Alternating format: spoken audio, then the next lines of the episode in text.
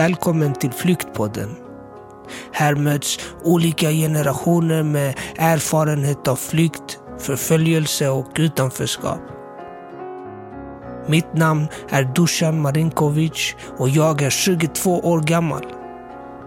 Jag är rom och född i Serbien men kom till Sverige som femåring och är uppvuxen i Malmö. I det här avsnittet möter vi Singwala Milon. Jag har ju bilder som visar när poliserna kommer och jagar oss. Och de kunde slå på zigenare, slå på kvinnor, blåa. Hon är 86 år gammal och fick bokstaven Z stämplad i sitt födelsebevis. Jag tror inte det är någon zigenare som har varit med om det jag har varit. Lidit så som jag har gjort. Ibland kan jag skratta åt det. Ibland kan jag gråta av det också. Hon har levt som kringresande i Sverige hela sin uppväxt. Idag bor hon i Göteborg men har under hela sitt liv kämpat för rätten till bostad, utbildning och acceptans. Är hon en missanpassad brottsling? Nej. Singwala Milon råkar precis som mig vara rom. Jag träffade henne på Hisingen i Göteborg en varm sommardag. Singwala sitter med dörren öppen och väntar på mig i en stor grå fåtölj. På huvudet bär hon en ljusrosa chalett och en vacker ljusblå klänning med vit kavaj över axlarna. Långa smycken i guld pryder hennes hals. Hon bär traditionella kläder och är stolt över att vara den hon är. En zigenare som hon själv vill bli kallad. Hon ler varmt och hälsar mig välkommen på romanes. Ett språk som alla vi romer i världen har gemensamt. Väggarna i hennes lägenhet pryds av gamla bilder som alla vittnar om familj och ett liv på resande fot. Och jag är född i Skåne. Och jag är zigenare. Och jag är född taikon. Men jag gifte mig med en som hette Millon så därför heter jag Singo Alla Millon. Och född 1932. Var i Skåne föddes du? Jag är född i Torekov. Jaha, ligger det i, i södra Skåne? Ja, jag vet inte om det är söder eller norr. Jag har inte koll på det. Men jag kan inte läsa så bra. Vi fick inte gå i skolan. Nej. Och därför kan jag inte det.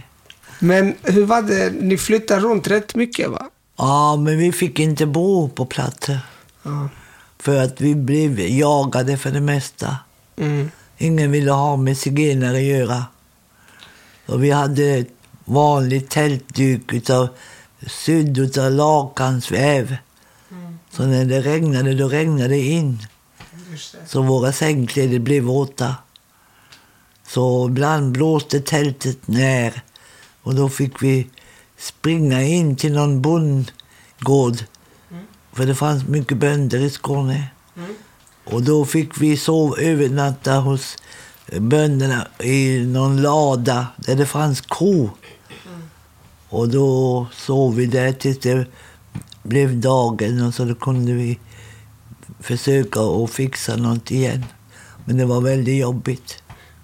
Men när ni, när ni slog läger på en plats och, och byggde tälten som ni skulle sova i.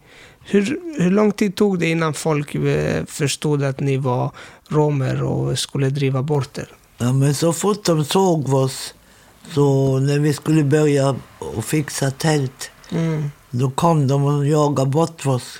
kunde hända det. Ibland fick vi ju bo kvar.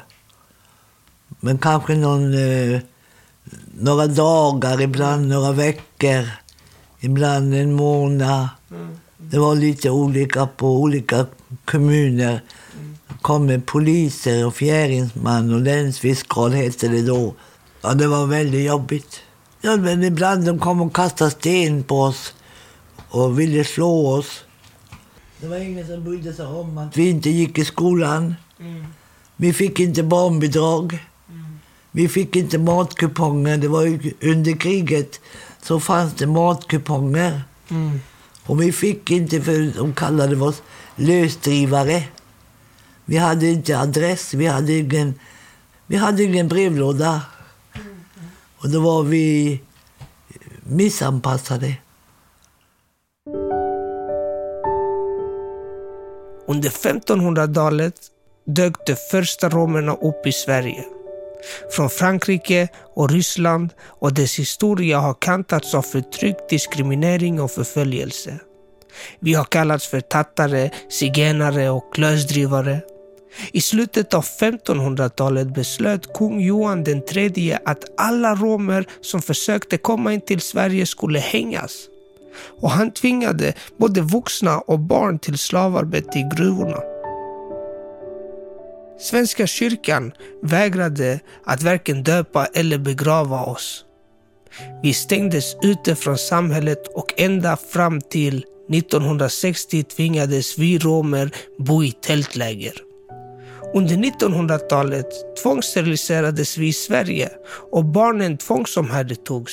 Singoala och hennes familj levde som statslösa utan folkbokföringsadresser. Hon saknade rösträtt och fick inte gå i skolan. Hur gammal var du när du insåg, minns du det? Eh, när du insåg att romer behandlades annorlunda? Det var nog, jag var nog 13-14 år. Mm. Då, kom, då kom det ju tankarna. Man kunde förstå att det var fel. Vi kunde inte läsa. Det kom ju mycket folk och titta på oss. För vi bodde ju i tält och, mm. och när poliserna kom, när man blev lite äldre, då förstår man ju bättre. Mm. Så man blir ju arg också. Såklart. När de kommer och jagar bort. Vi var ju människor. Fanns det någon ur, eh, av det svenska samhället som ville hjälpa? Jo, det fanns ju många. Men de kunde inte göra någonting åt det. Var det, var det myndigheter eller var det... Det var vanligt folk som vanligt. tyckte att det var fel vad de gör. Många tyckte det. Mm. Men det hjälpte inte. För det var myndigheterna som var mest aggressiva. Mm. De var ju stygga, men det var ju de, de var utskickade. Det är inte vårat fel det här, sa de ofta. Mm. Det hände att de sa att det inte är de utskickade, utan de som bestämmer. Och det var väl något kontor som sa, nu får ni väl gå och jaga bort de där zigenarna. Man måste vara väldigt stark för att överleva. Zigenare är det. De är väldigt starka. De, de kunde ju klara sig. De överlevde ju. Jag överlever. Ibland när jag tänker, när jag sitter här ensam men, och så mycket man har gått igenom. Och jag har berättat för mina barn.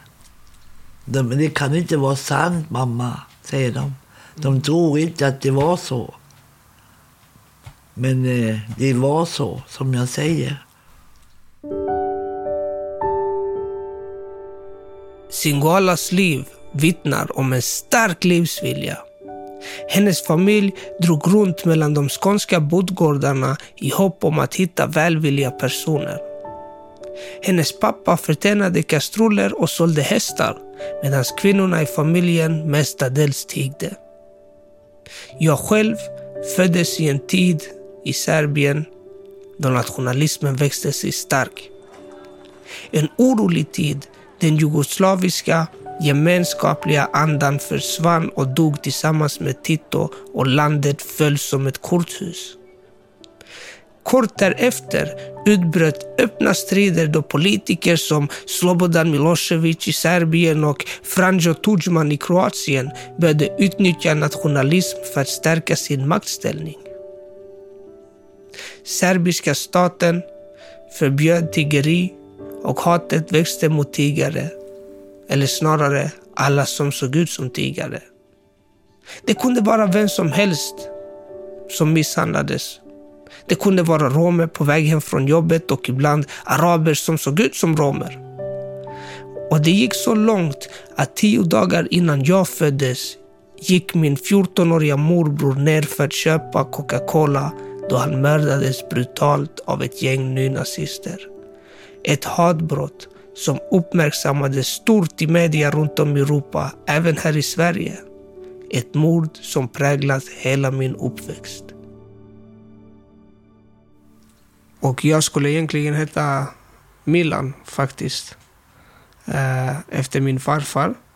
Men eftersom min morbror blev mördad så sa min pappa att nej, vi ska döpa honom efter din bror, sa han till min mamma. Och då fick jag hans namn.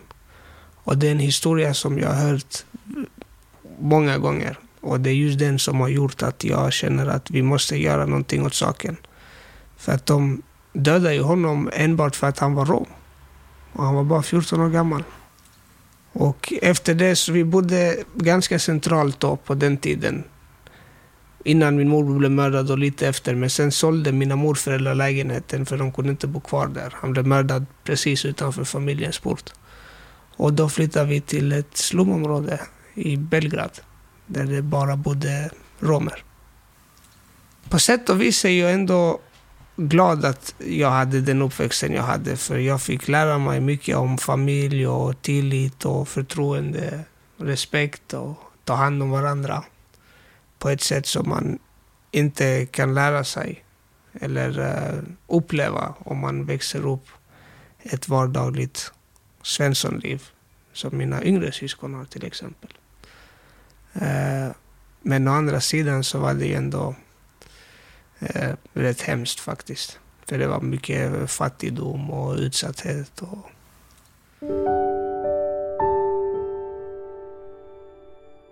Min familj flyttade till Malmö och livet blev på många sätt annorlunda från hatet i Serbien till en lugnare tillvaro i Sverige. Jag har inte behövt kämpa på samma sätt som Singwala under större delen av mitt liv. Före andra världskriget reste hennes släkt runt i Europa. Men när kriget kom blev det stopp vid gränserna. Utanför rasade kriget och Hitler-Nazityskland växte sig starkt. Romer sågs som ett hot mot det rena ariska folket och deporterades till koncentrationsläger där många gasades till döds. Närmre en halv miljon romer mördades under andra världskriget två tredjedelar av vårt folk blev mördade. Vi visste ju att det hände. Men då var ju jag inte så gammal. Nej, just. Så jag tänkte inte så mycket på det. Nej, men vi bodde i Viken. Mm. I Mö, Mö, nära Mölle i Malmö och där. Mm. Och då kom vi se rätt över till Köpenhamn. Till Köpenhamn ja när, de, när det brann där, då får, så, sa min pappa, det, det är krig. Ja. Det brinner där nu. Och då var vi inte långt ifrån. Nej, det, bara tvärs det var bara tvärs över där. Pappa var ju rädd. Så det fanns, men just hos din pappa och dina föräldrar så fanns det ju kanske en rädsla för nazisterna? Det fanns. Jag tänker på dagens, eh, hur det ser ut idag. Det finns ju nazister eh, och rasister ja. som faktiskt eh, besitter vissa politiska partier och andra som vill komma in i riksdagen. Hur känner du när du tänker på det? Ja, man, man blir ju rädd om det skulle bli krig nu. Mm. Då tar de ju oss först. Ja. Så tänker jag.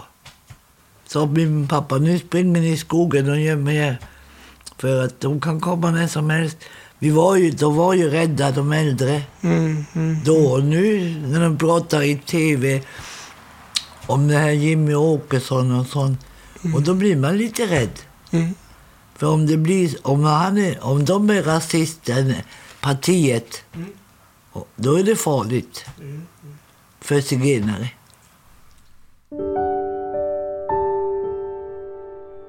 Singwala är yngst av åtta syskon och den enda som är i livet idag.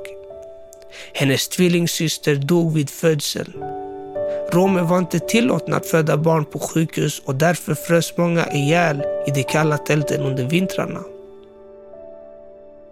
Hon fick sitt namn efter en fördomsfull zigenarroman av Viktor Rydberg. av en snäll präst i Torekov som erbjöd sig att döpa henne utanför kyrkan då romer förbjöds tillträde. Min mamma skulle föda barn. Så hamnade vi i Torekov, i skogen där någonstans. Och då födde mamma, eh, skulle föda. Och då fick de ju bygga ett tält för mamma skulle föda. Mm. För hon ville, fick inte föda i samma tält där vi bor, där vi åt. Mm. Utan det var en sed, en lag som vi har. Att det var orent att föda barn i samma tält där vi sover och äter. Så därför fick de fixa ett annat tält på en annan ställe. Och då födde mamma och det kom en någon äldre dam någonstans ifrån för att hjälpa mamma. Och då födde mamma en flicka. Men eh, den flickan dog. Och då så sa den, det finns en barn till. Hon måste ju föda det barnet. Du måste åka till, till Ängelholms BB. Så då körde min mamma, min pappa, mamma med häst och vagn till Ängelholm BB. Och det ville de inte ta emot mamma, för hon var zigenare.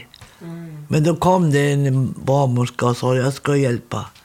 Och tog in min mamma på BB. Och då föddes jag.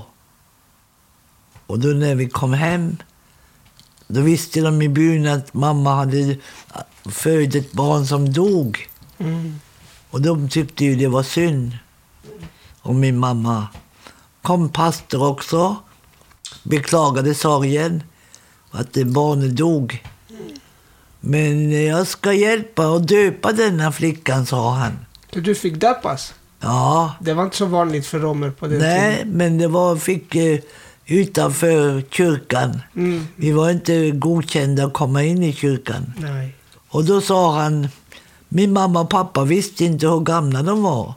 Och de kunde inte läsa och skriva. Mm.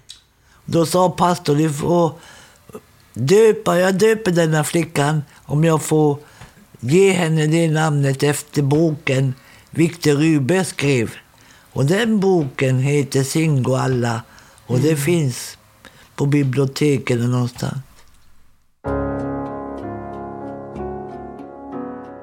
Idag har mycket blivit bättre. Kyrkan har offentligt bett om ursäkt för hur de behandlat romer genom historien. Idag har vi rätt till både utbildning, sjukvård och boende och vi har dessutom rösträtt. Men fördomarna, glåporden och antiziganismen lever kvar. Man kan ju gå och handla och då kan ju eh, komma en vakt och kolla eller, och se, tro att vi ska stjäla. Och det är väldigt jobbigt. Och ibland blir man eh, dåligt eh, mötesbegående för de vill inte gärna sälja till zigenare. Om man ska gå och köpa kläder. Jag var, det är inte länge sedan jag var med min dotter. Vi skulle köpa kläder för det var någon utförsäljning. Och de var, tittade, gick efter oss vad vi, vad vi skulle titta på. Och då gick jag på ett annat ställe. Så kom hon dit. Så gick jag där. Jag förstod att hon följde. Så, så gick jag på barnkläder, på, på andra saker och tittade. Hon följde efter mig hela tiden. Var väldigt otrevlig. Men då sa jag, varför följer du efter mig? Jag har pengar, jag kan betala. Och jag minns i grundskolan, jag tror jag gick i fyran då, och jag hade eh, två bästa vänner. Eh, och då skulle vi ha en fest i klassen. Och på den här festen så, skulle vi, så bestämde vi oss för att dela godis. Vi alla Ja. skulle köpa godis tillsammans och skulle vi dela. Men sen en dag innan festen så kom min ena vän till mig sa min mamma sa att jag inte får dela godis med dig för att du är zigenare. Och eh, zigenare är tjuvar, säger hon. Och då blev jag jättearg och vi började slåss.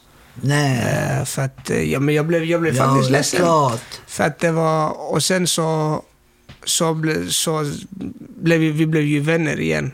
Ja, men när jag tänker på det, han var ju bara ett litet barn. Han visste ju inte vad, Nej, vad nej. han sa. Men det var egentligen ganska hemskt att hans mamma hade sagt sådär. Jo. Det finns ju hur mycket historier som helst. Särskilt när- med, med, med romska kvinnor. För att vissa vill ha på sig de Ja, traditionella kläder. kläderna.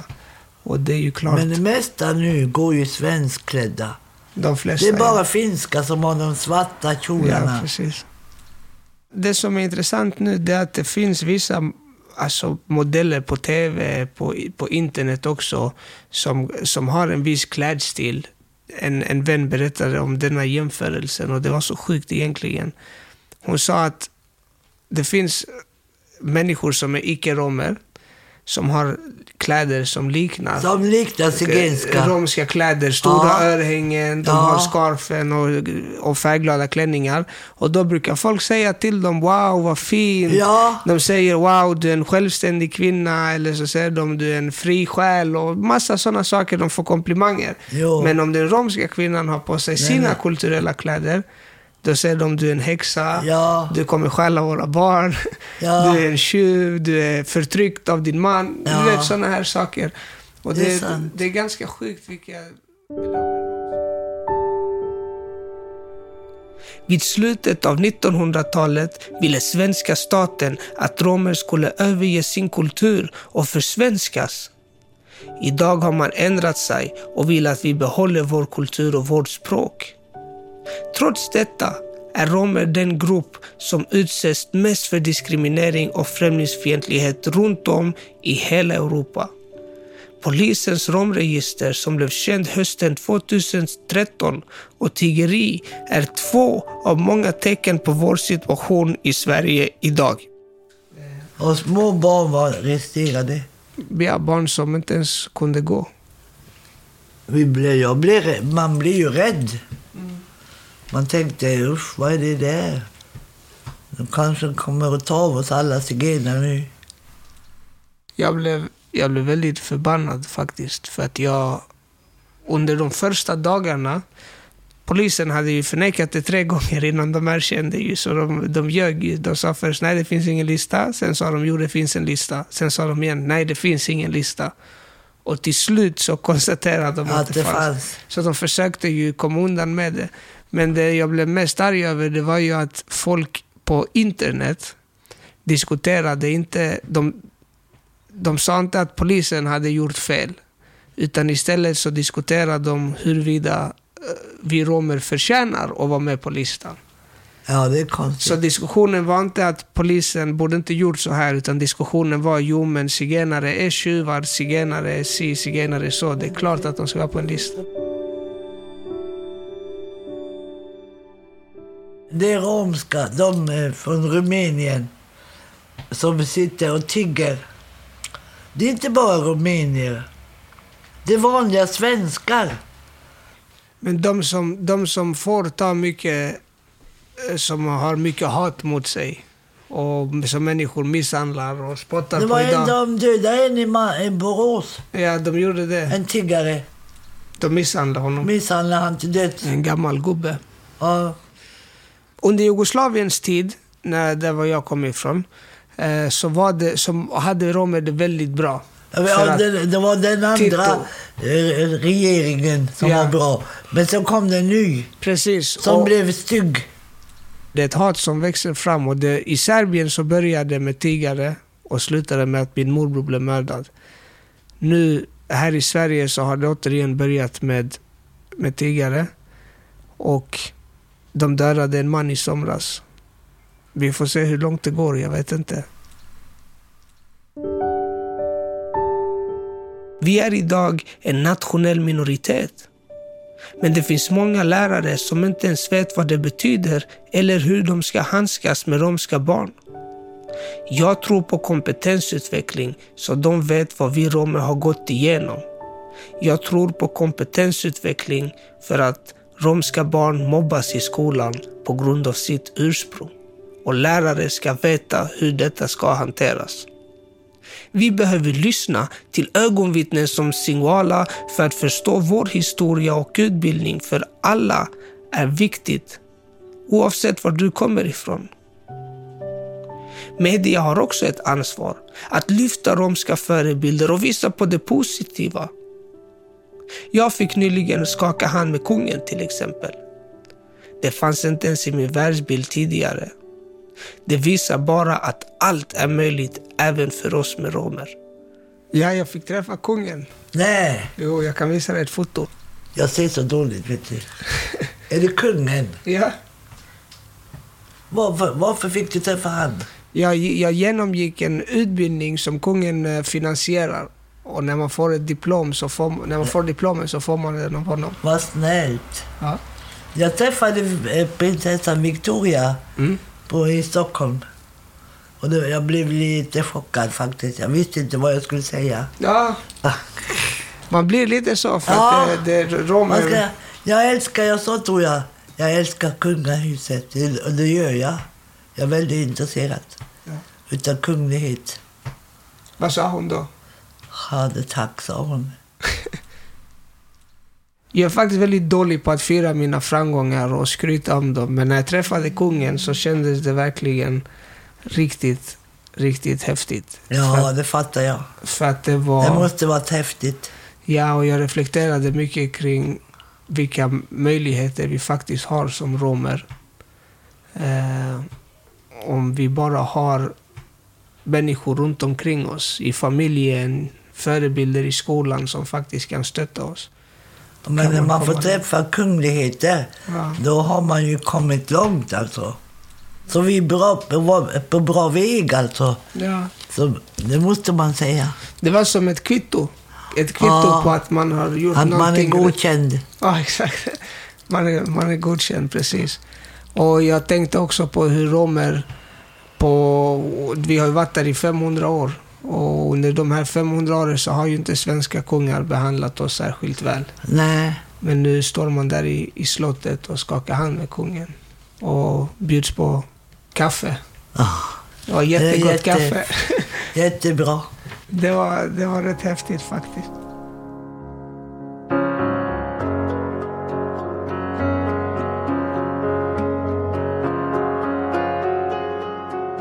Du har lyssnat på Flyktpodden. Programmet gjordes av mediehuset Fanzingo med finansiering från Myndigheten för ungdoms och civilsamhällesfrågor. Producent Magnus Nilsson. Projektledare Samuel Sjöblom.